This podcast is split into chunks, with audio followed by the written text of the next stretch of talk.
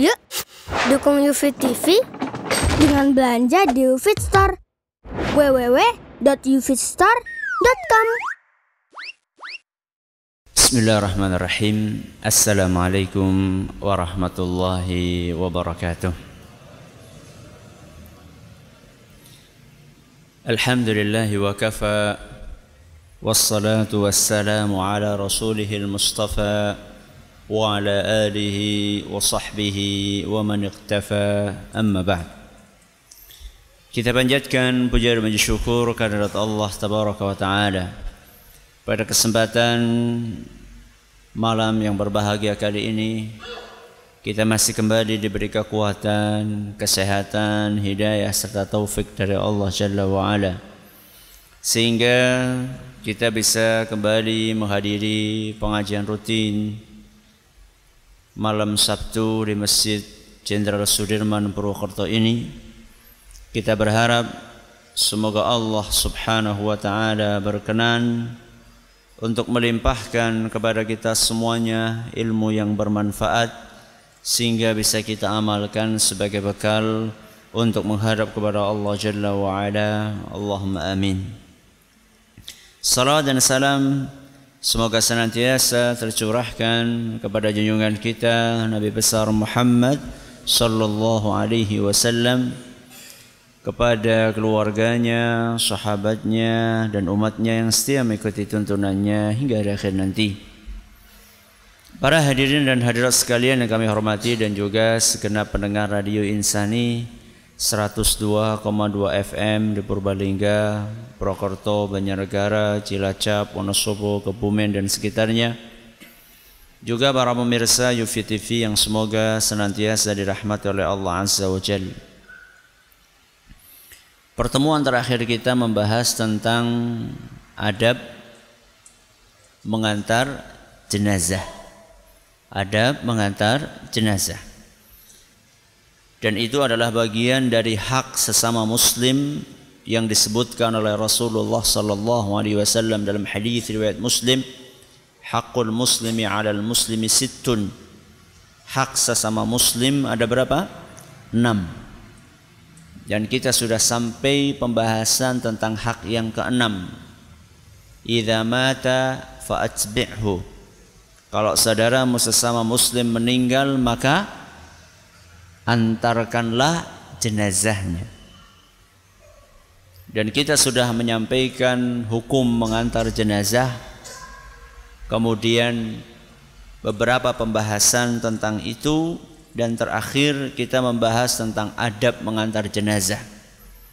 Sudah kita sampaikan berapa adab? Tiga. Yang pertama,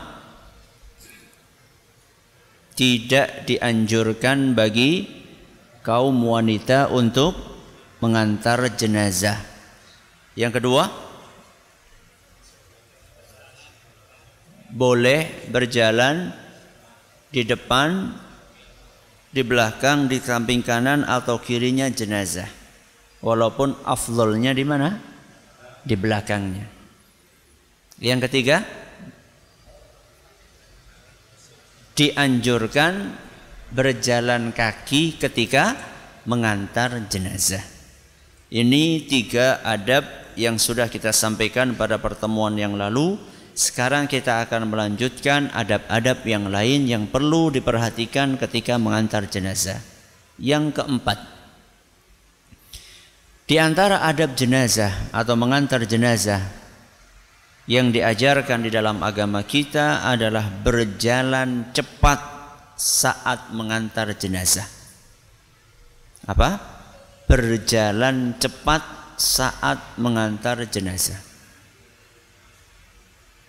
Nanti kita akan jelaskan cepatnya seperti apa.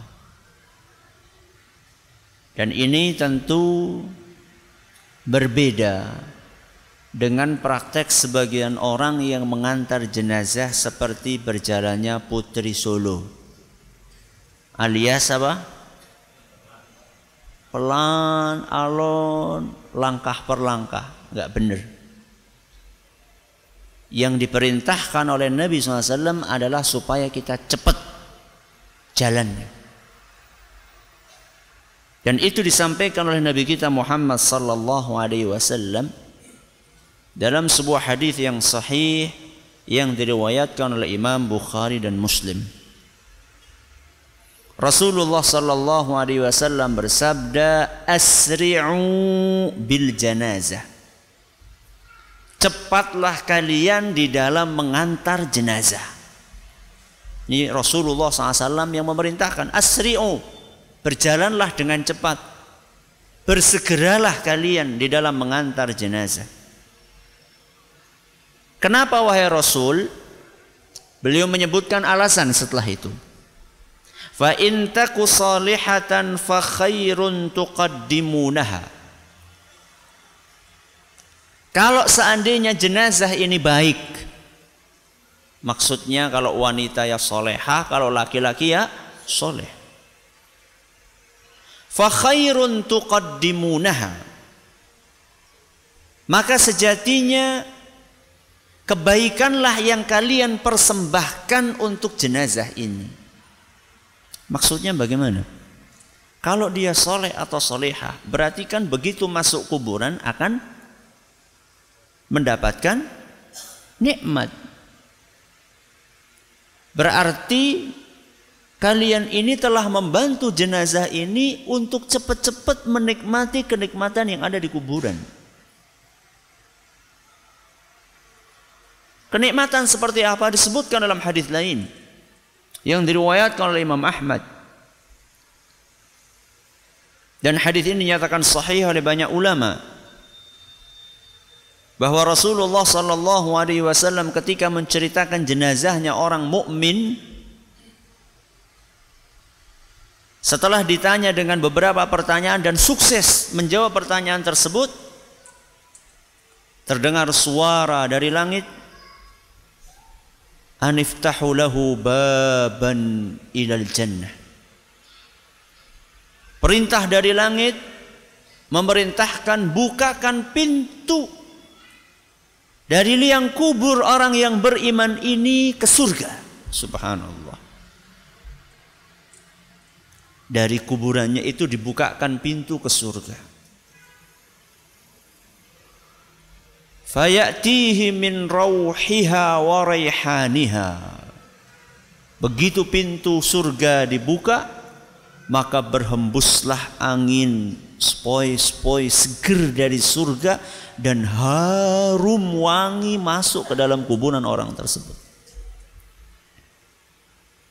Wa yufsahu lahu qabruhu. Dan kuburannya itu diluaskan oleh Allah Subhanahu wa taala seluas mata memandang. Jadi jangan Anda pikir bahwa ukuran yang cuma satu kali dua meter itu tidak bisa diperluas, bisa. Andaikan dia adalah orang-orang yang beriman. Masih ketambahan lagi, Kenikmatan yang lainnya akan dirasakan oleh orang yang beriman di kuburannya. Fayatihi rojulun. Akan datang seseorang. Ketika orang tadi ini, orang yang beriman tadi sedang menikmati harumnya surga, luasnya tempat tinggal, udara yang segar. Tiba-tiba datanglah seseorang dengan pakaian yang sangat indah, wajahnya rupawan, bau harum tercium dari tubuhnya. Maka orang mukmin tadi bertanya, "Man anta?" Siapakah engkau? Wajahmu menandakan kebaikan. Maka kemudian orang yang beriman tadi mengatakan, "Ana amalukas salih." Aku adalah amal soleh yang dahulu kamu kerjakan ketika engkau di dunia. Dan aku ditugasi oleh Allah untuk menemanimu sampai hari kiamat. Subhanallah. Jadi kalau jenazah ini jenazah yang baik, berarti kita ini sedang membantu jenazah tersebut agar segera menikmati kenikmatan yang Allah sediakan buat orang tersebut. Makanya Nabi SAW mengatakan fa intaku salihatan fa khairun tuqaddimunaha.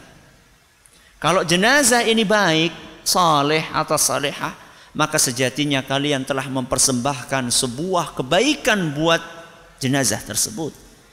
Karena dia akan segera merasakan apa yang Allah janjikan untuk dia. Taib. Ini hikmahnya kalau jenazah yang dibawa adalah mukmin. Kalau jenazah yang dibawa tidak beriman, apa hikmahnya bersegera? Apa hikmahnya? Pendang disiksa? Mari kita dengarkan kelanjutan sabda Nabi SAW. Wa in taku ghaira dhalik Seandainya jenazah tersebut tidak seperti yang pertama. Kalau yang pertama soleh solehah, berarti yang kedua buruk. Tidak sholat, tidak puasa, tidak zakat. Maksiat jalan terus, bahkan mungkin orang kafir. Wa in taku ghaira dzalik seandainya tidak sama dengan orang yang pertama, fasharrun tad'unahu an riqabikum. Maka kalian disuruh untuk cepat-cepat supaya segera meletakkan sesuatu yang buruk dari pundak-pundak kalian. Anda sedang membawa sesuatu yang buruk rasa alon-alon cepat-cepat Segera letakkan keburukan itu dari atas pundak kalian. Subhanallah. Hadis riwayat Bukhari dan Muslim. Berarti entah jenazahnya baik atau buruk, entah jenazahnya mukmin atau tidak beriman atau bahkan kafir, tetap disuruh untuk cepat-cepat kita jalan. Ini hadis riwayat Bukhari dan Muslim yang menyuruh kita supaya berjalan cepat. Hadis yang lainnya sama nadanya atau muatannya hanya saja sedikit berbeda redaksinya diriwayatkan oleh Imam Bukhari juga Imam Nasai, Al-Baihaqi, Imam Ahmad dan yang lainnya Nabi sallallahu alaihi wasallam bersabda إذا وضعت الجنازة واحتملها الرجال على أعناقهم Ketika jenazah sudah ditaruh di tempatnya, di keranda maksudnya. Kemudian keranda tadi sudah diletakkan di atas pundak orang-orang. Fa in kanat salihatan qalat. Seandainya jenazahnya itu salih atau salihah maka dia akan berkata siapa yang berkata? Jenazahnya. Qaddimuni qaddimuni. Jenazah itu akan berkata cepat cepat. Maksudnya antarkan saya cepat-cepat ke mana ke kuburan. Wa in kanat ghaira salihatin. Seandainya jenazah tersebut bukan orang yang baik Qalat ya wailaha aina yadhhabuna biha. Dia akan mengatakan cilaka. Dia harus digawa mengendi. Celaka saya mau dibawa ke mana? Siapa yang ngomong tadi? Jenazah. Kata Nabi SAW, Yasma'u sawtaha kullu syai'in akan mendengar suara ucapan dari jenazah tadi semua makhluk illal insan kecuali manusia. Kenang apa? Kenang apa? Kata Nabi SAW, illal insan, kecuali manusia, walau sami'ahu la sa'iq. Kalau sampai manusia dengar pingsan, Bisa dibayangkan. Cepet-cepet, kisah sih ngomong cepet-cepet. Jebule sing sing lagi digotong. Apa mending nganti ngelutik ya. Aduh, bubar melayu kowe engko. Hadis riwayat Bukhari dan yang lainnya. Nah, tadi sudah saya janjikan jalan cepat itu seperti apa? Jalan cepat itu seperti apa? Disampaikan oleh sahabat Nabi SAW Abu Bakar radhiyallahu anhu, "Laqad ra'aituna ala ahdi Rasulillah sallallahu alaihi wasallam." Di zaman Rasul sallallahu alaihi wasallam aku menyaksikan bahwa kami ini lanakadu an narmula biha ramla. Kami ini ketika mengantar jenazah hampir-hampir lari-lari kecil. Hampir-hampir lari-lari kecil. Berarti orang ngasih lari kecil. Cuma dikatakan hampir lari-lari kecil, berarti jalan cepet. Cuman nggak sampai lari-lari kecuali kata Imam Nawawi ya kata Imam An Nawawi kecuali dalam kondisi kalau kecepatan ditakutkan bok bok apa? Apa? Ya bok tiba. Atau bok kepleset dalane lunyu badannya. Ah dalam kondisi seperti itu ya nggak usah terlalu bersemangat karena kondisinya tidak memungkinkan. Atau jalannya apa nanjak kan lumayan kos-kosan gue sing apa mana sing digawa? Wong lemu mana? Sing digawa lemu sing gotong. Halah kering-kering. Ya semampunya. Se semampunya. Intinya bahwa jenazah itu usahakan ketika dibawa sesegera mungkin. Sesegera mungkin. Makanya di dalam uh, ajaran agama kita itu segera itu mulai dari mulai dari perawatannya. Ya, memandikan, mengkafani, memakamkan. Ya, jadi bukan di inepkan, enggak. Ya. Jadi kalau memungkinkan segera. Kecuali kalau tidak memungkinkan, meninggalnya jam 11 malam misalnya. Misalnya meninggalnya jam 11 malam. Enggak ada yang gali di di kuburan. Ya. Itu lain masalah. Tapi kalau misalnya meninggalnya jam 3 misalnya. Jam 3 apa? Sore. Itu masih memungkinkan. Atau jam satu, apalagi jam satu. Ya, apalagi jam jam satu. Ini adalah anjuran atau perintah dari Nabi kita Muhammad SAW. Jadi adab yang keempat apa? Bersegera atau berjalan cepat ketika mengantarkan jenazah. Yang kelima, Di antara adab mengantar jenazah adalah hening. Apa? Hening. Saat mengantar jenazah. Hening gue apa? Sepi. Ya. Orang-orang ngorong. Ya. Hening. Hening ketika mengantar jenazah. Dalilnya apa? Hadis riwayat Ahmad dan hadis ini dinyatakan oleh para muhakkik kitab Musnad Hasan di ghairihi. Alias hadisnya masih bisa kepake ya. Kata Rasul sallallahu alaihi wasallam la tutba'ul jinazatu binarin wala saut.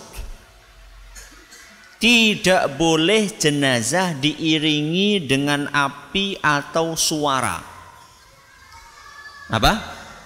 Tidak boleh jenazah diiringi dengan api atau suara. Api nanti kita akan bahas. Sekarang kita bahas masalah apa dulu? Suara dulu. Kalau suaranya zikir gimana Ustaz? Suaranya apa? Zikir. Gimana? Boleh nggak?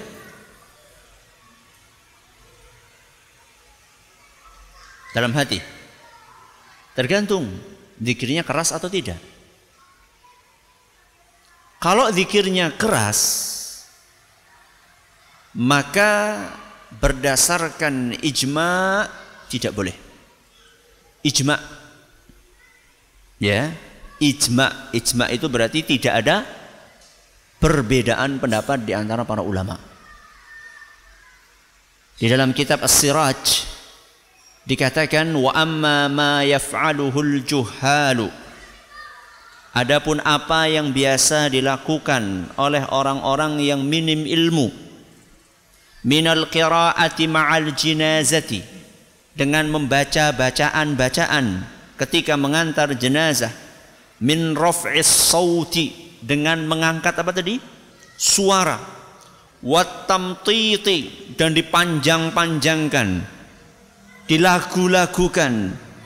Fala yajuzu bil ijma' tidak boleh berdasarkan ijma' para ulama. Sepakat ulama dari empat madhab ahlus sunnah wal jamaah sepakat semuanya. Mulai dari Imam Abu Hanifah, Imam Malik, Imam Syafi'i dan Imam Ahmad. Sepakat, nggak boleh. Walaupun baca Al-Quran, walaupun baca Al-Quran. Walaupun zikir, walaupun zikir. Lah, nek pengen zikir kepada Ustaz. Nek pengen zikir. Kalau pengen zikir maka bacalah dengan suara yang lirih. Bacalah dengan suara yang lirih. Karena para sahabat dahulu ketika mengantar jenazah tidak pernah mereka mengangkat suara dengan zikir atau bacaan Al-Quran. Disebutkan di dalam sebuah asar yang diriwayatkan oleh Imam Al-Baihaqi dan para perawi asar ini dikatakan siqat terpercaya oleh Al-Albani. Kata Qais ibnu Ubadah kana ashabu Rasulillah sallallahu alaihi wasallam. Adalah para sahabat Rasul sallallahu alaihi wasallam yakrahuna raf'a sauti 'inda thalathatin. Mereka membenci mengangkat suara dalam tiga kondisi. Para sahabat Nabi SAW membenci apa? mengangkat suara dalam tiga momen. Indal qitali yang pertama ketika perang. Loh yang pertama ketika apa? Perang. Bukannya perang itu kita harus apa? Rame-rame Ustaz. Kalau mau memberi semangat itu adalah sebelum peperangan. Tapi ketika musuh ketemu dengan musuh, pasukan ketemu dengan musuh, justru orang-orang yang mengangkat suara biasanya tong kosong nyaring bunyinya. Anu wedi mulane apa? Ngorong-ngorong. Kaum mukminin justru mereka itu ketika berperang nggak banyak nggak banyak suara. Langsung by action. nggak pakai teriak-teriak. Dan itu disebutkan oleh beberapa ulama di antaranya di dalam kitab Nailul Autar wala'alla wajhu karahatihim lidzalika bisa jadi kenapa kok dilarang mengangkat suara ketika perang? Anna taswita fi dzalikal waqt bahwa mengangkat suara pada waktu itu rubbama kana musy'iran bil fasa'i wal fashal. Mengesankan mengangkat suara itu adalah orang-orang tersebut dia ketakutan atau khawatir kalah Bikhilafis samti berbeda dengan orang yang perang sambil tidak mengangkat suara, diam. fa innahu dalilus thabati wa ribatil jash. Sesungguhnya diamnya seseorang ketika berperang menunjukkan keberanian dia dan tidak adanya rasa takut di dalam hatinya. Ada sebagian ulama mengatakan boleh mengangkat suara ketika akan ketika akan berangkat, ketika ngasih semangat dengan zikir kepada Allah takbir misalnya. Sebagian ulama mengatakan boleh. Tapi ketika sudah apa namanya? Ketika sudah berhadap-hadapan maka para sahabat Nabi SAW mereka cenderung untuk tidak mengangkat suara. Sudah. Kamu ini yang pertama. Jadi ketika apa? Perang. Yang kedua, wa indal jinazah. Dan ketika mengantar jenazah. Ya. Ketika mengantar jenazah ini juga termasuk yang para sahabat Nabi SAW tidak suka untuk mengangkat suara. Dan yang ketiga wadzikri dan ketika berzikir. Dan ini tentu sesuai dengan firman Allah Subhanahu wa taala, "Ud'u rabbakum tadarruan wa khifah." Aw khufyah jadi berdoalah kepada Allah dengan penuh rasa rendah dan dengan suara yang lirih.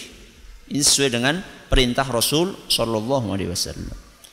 Kecuali dalam beberapa kondisi yang memang Rasulullah SAW menganjurkan kita untuk mengangkat suara. Contohnya apa? Zikir yang disuruh mengangkat suara. Contohnya apa?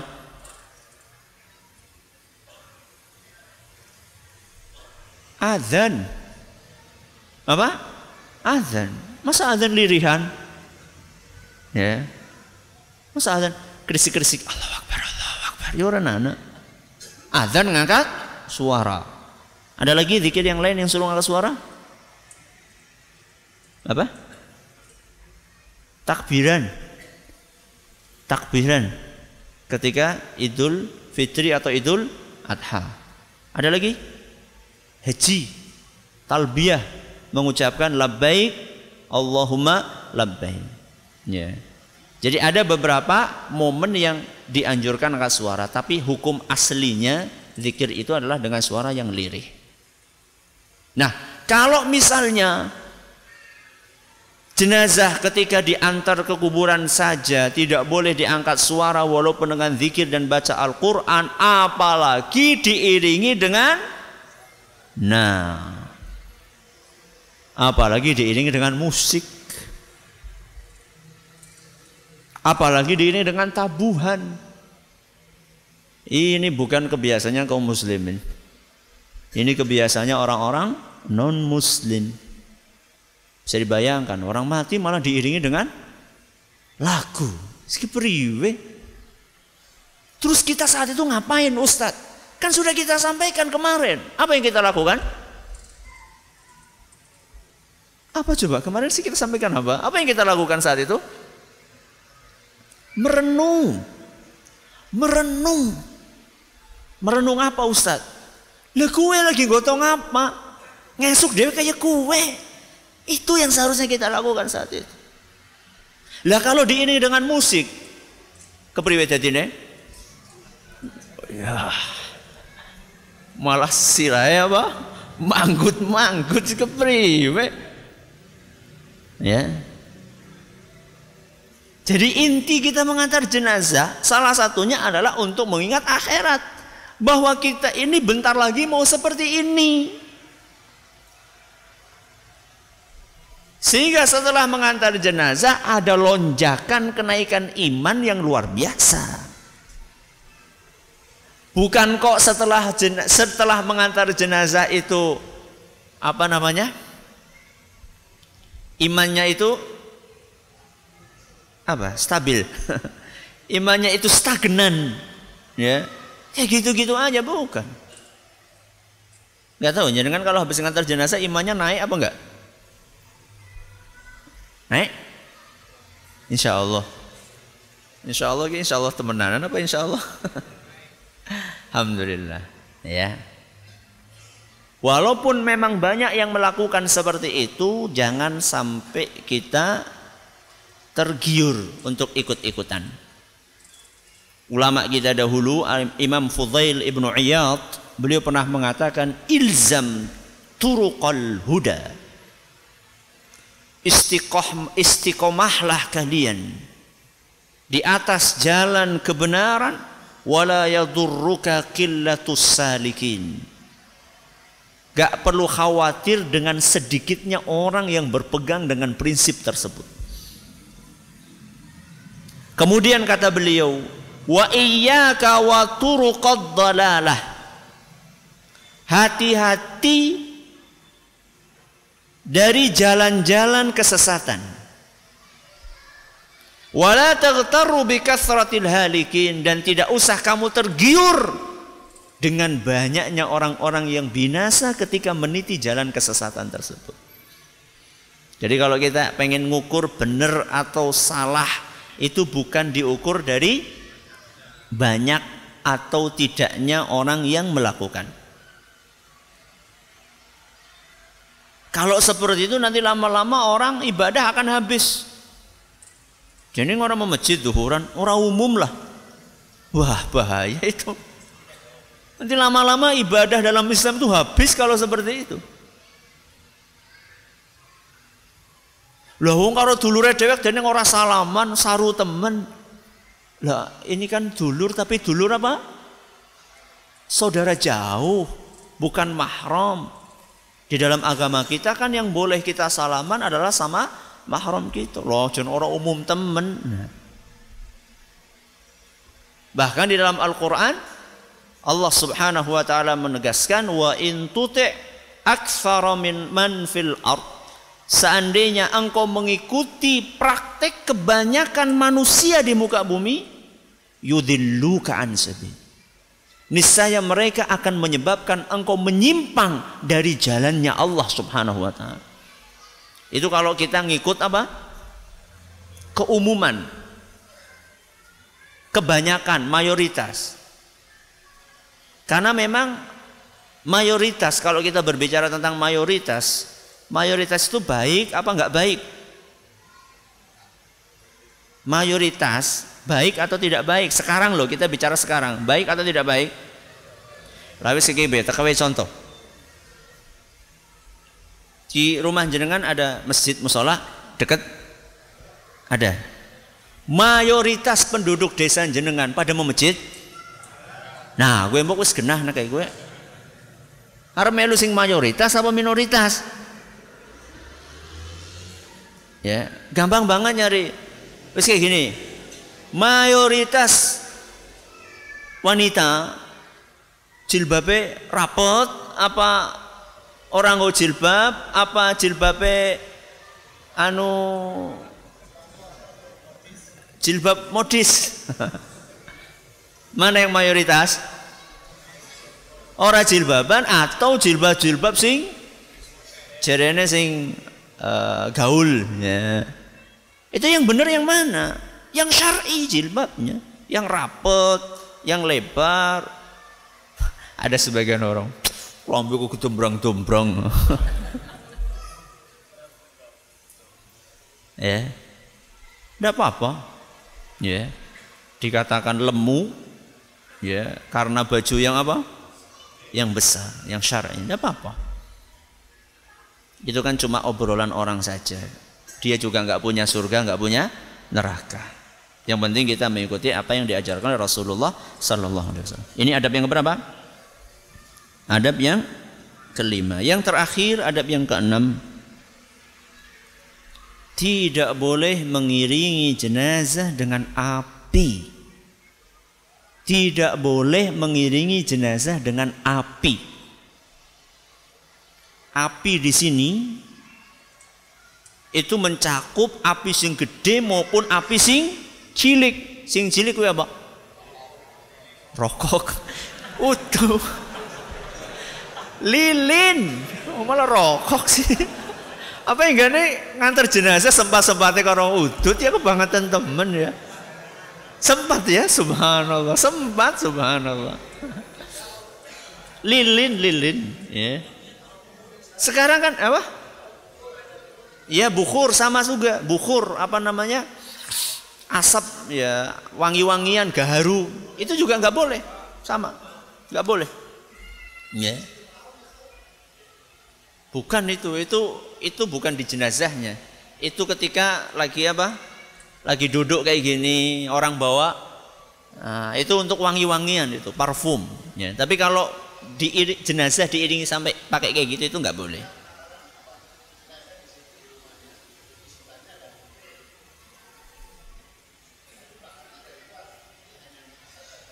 Nah, kalau ini ya yang disampaikan oleh Rasul SAW yang hadis yang saya bawakan tadi adalah jangan mengiringi jenazah ketika mengantar ke kuburan dengan api.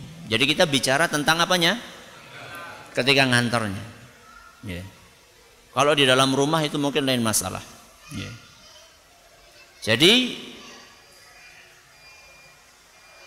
jadi sudah masuk waktu isya. Monggo. Alhamdulillah alamin wassalatu wassalamu ala nabiyina Muhammadin wa ala alihi wa sahbihi ajma'in amma ba'd. Jadi hadis yang melarang mengantar atau mengiringi jenazah dengan api adalah hadis yang tadi saya baca di awal. La tutba'ul jinazatu bisautin wala narin. Tidak boleh mengiringi jenazah dengan suara atau api. Ya. Sekalipun api itu kecil, seperti yang saya katakan tadi, lilin, ya. Jadi ada sebagian kaum muslimin sekarang sudah mulai terpengaruh dengan kebiasaan agama lain. Ya, nyalakan seribu lilin, ya. Itu bukan kebiasaan dalam Islam, itu kebiasaan agama lain. Maka kita sebagai seorang muslim Gak usah ikut-ikutan. Kita ini sudah punya ajaran sendiri. Ya. Dan kita itu nggak perlu ditambah-tambahi dengan ajaran agama lain. Kecuali dalam kondisi memang membutuhkan penerangan. Ya. Misalnya tempatnya gelap, jalannya gelap, nggak ada penerangan, malam-malam mengantar jenazah, butuh apa? Butuh obor, nggak apa-apa. Lah ini siang-siang kok pakai apa? Pakai api buat apa? Termasuk juga kalau memang butuh genset, ya, dinyalain di mana? Di kuburan untuk membuat penerangan ketika menguburkan tidak ada masalah. Jadi kita bicara tentang orang-orang yang mengantar jenazah dengan api tanpa kebutuhan.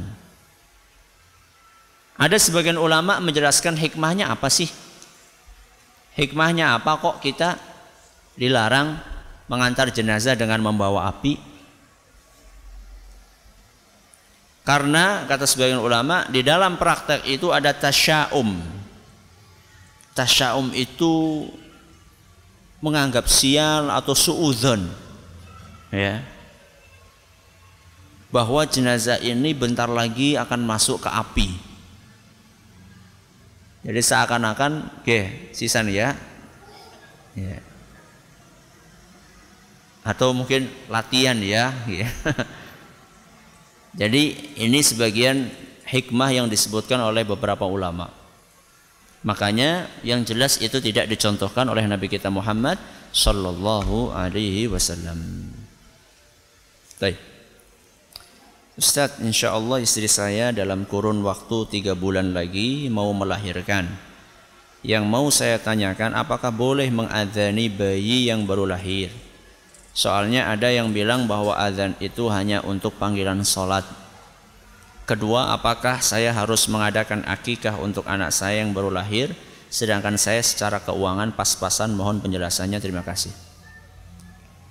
Mengadani bayi yang baru lahir itu masalah khilafiyah di antara para ulama. Para ulama berbeda pendapat. Kenapa mereka bisa berbeda pendapat? Ada yang mengatakan dianjurkan, ada yang mengatakan tidak. Mereka berbeda pendapat karena hadis yang menyebutkan tentang azan di telinganya bayi yang baru lahir itu ada ulama yang menganggapnya kuat, ada yang ulama menganggapnya lemah. Hadisnya sama, cuman beda di dalam menilai keabsahan hadis tersebut.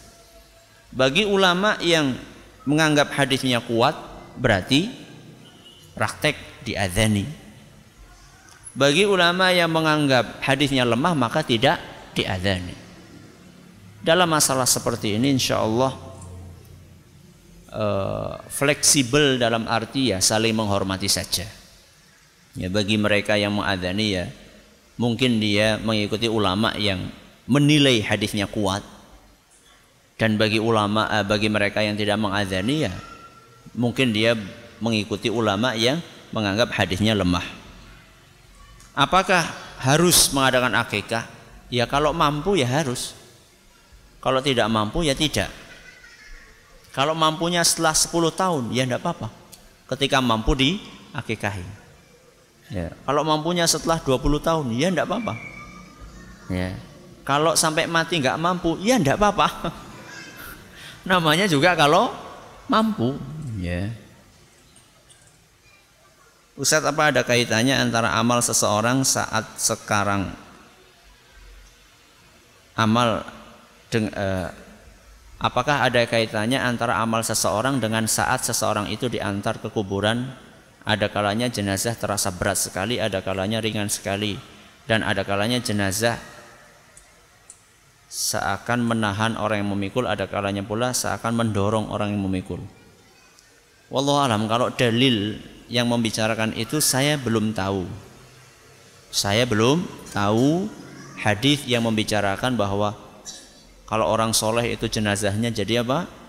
Ringan. Kalau orang yang jahat, tidak baik berarti jadi berat. Saya belum tahu hadis yang membicarakan tentang itu. Akan tetapi kalau ternyata suatu saat Anda merasakan seperti itu, maka itu bukan merupakan tanda mutlak. Kalau ringan mesti apa? baik ya mesti Anda tidak bisa memastikan atau sebaliknya kalau apa berat gitu oh kakek dosa kenapa Ustaz ya karena kadang-kadang ada orang yang tidak baik kurus. Dia itu orang-orang yang terjerat narkoba kan apa? Kurus-kurus. Wah ki enteng banget orang dosa nih padahal matinya itu gara-gara apa? Gara-gara narkoba. Atau atau sebaliknya ada orang uh kapot banget dosanya kayak banget. Padahal dia ini rajin ke masjid ya. jadi itu belum tentu jadi ukuran. Ya belum tentu jadi ukuran. Wallahu alam ini yang dapat kami sampaikan. Terima kasih atas perhatiannya. Mohon atas segala kurangnya. Subhanakallahumma bihamdik. Asyhadu an la ilaha illa anta astaghfiruka assalamualaikum warahmatullahi wabarakatuh